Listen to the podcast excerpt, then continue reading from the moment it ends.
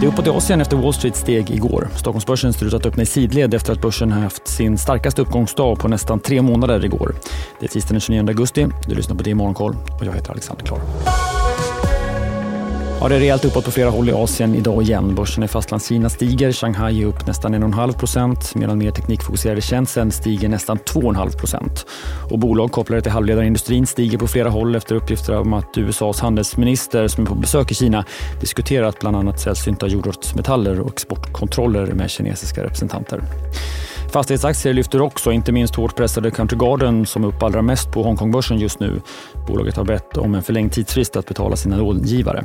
Hongkongbörsen är i stort upp hela 2% Tokyobörsen är något lugnare, upp knappt en halv procent. Toyota som är världens största biltillverkare, där ser vi inga stora kursrörelser men bolaget har just nu stora problem.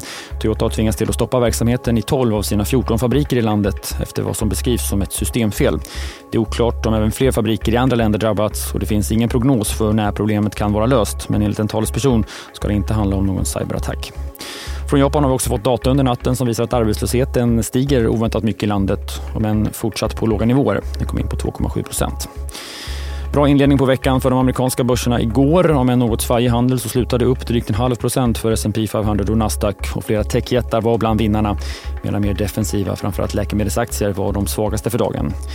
Banken Goldman Sachs steg efter beskedet att man säljer sin privatekonomiska verksamhet. Summan är okänd, men bättre marginaler lyfts fram i analyserna efter nyheten och aktien stängde upp 2% Samtidigt föll räntorna tillbaka under gårdagen. Tioåringen ner till 4,19. Tvååringen står i 5 Sverige så. Vi har precis fått en rapport. Konglomeratsbygget Vestum rapporterar lägre vinst och marginal för det andra kvartalet. Omsättningen var ungefär i linje med i fjol. Och vd Conny Ryk, som för övrigt skriver sitt sista vd-ord innan han tar över som ordförande, skriver att man ser en ökad osäkerhet i marknaden men att starten på det tredje kvartalet än så länge påminner om starten för ett år sedan. Senare idag rapport från investmentbolaget Lundbergs.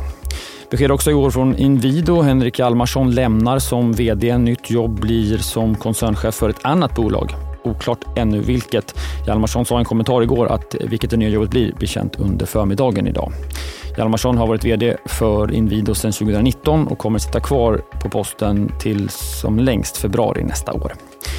Banken SEB har precis släppt en ny konjunkturrapport. Man skruvar ner utsikterna för Sverige, sänker sin BNP-prognos något för helåret och lyfter bland annat fram tvärniten man ser inom bostadsbyggandet som en faktor. Man tror inflationen blir något lägre än vad man trodde vid sin senaste prognos. Samtidigt så höjer man inflationsprognosen för nästa år. Man spår en höjning från Riksbanken i september upp till 4 och sänkningar kommer först 2025 enligt banken.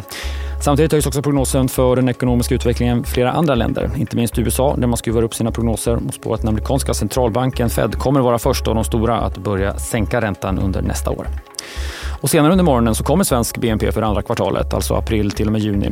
Det förväntas att vi ska se svensk ekonomi minska BNP-indikatorn som vi får varje månad och som är ett snabbestimat pekar på att BNP minskade med 1,5 procent under det andra kvartalet. Nu ligger förväntan något under på minus 1,3 procent. Vi får också statistik över hur detaljhandeln utvecklades under juli. I juni minskade detaljhandeln med 4,4 procent mätt i årstakt. Nu väntas det vara något bättre siffror, minus drygt 2 procent om vi ska tro förhandstipset. Från övriga världen, både husprisindex och konsumentförtroende från USA. Så en liten lugnare dag innan det tar fart under veckan. Amerikansk BNP imorgon onsdag och dessutom ADPs sysselsättningsstatistik imorgon inför fredagens jobbrapport. Dessutom amerikansk inflation på torsdag. Missa inte Börsmorgon med start kvart i nio eller lyssna på programmet som podd. Det kommer under förmiddagen. Det är Morgonkoll är tillbaks igen imorgon. Jag heter Alexander Klar.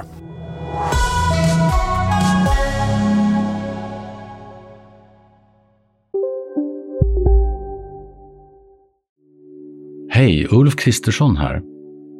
På många sätt är det en mörk tid vi lever i. Men nu tar vi ett stort steg för att göra Sverige till en tryggare och säkrare plats. Sverige är nu medlem i Nato. En för alla, alla för en. Expressen gör varje vecka podden Politikrummet där vi djupdyker i det senaste och viktigaste inom svensk politik. Med mig, Filippa Rogvall, som programledare tillsammans med mina vassa kollegor. Och det är ju ni som heter Thomas Nordenskjöld, Anette Holmqvist och Viktor Bartkron. Politikrummet kommer med ett nytt avsnitt varje tisdag. Vi hörs.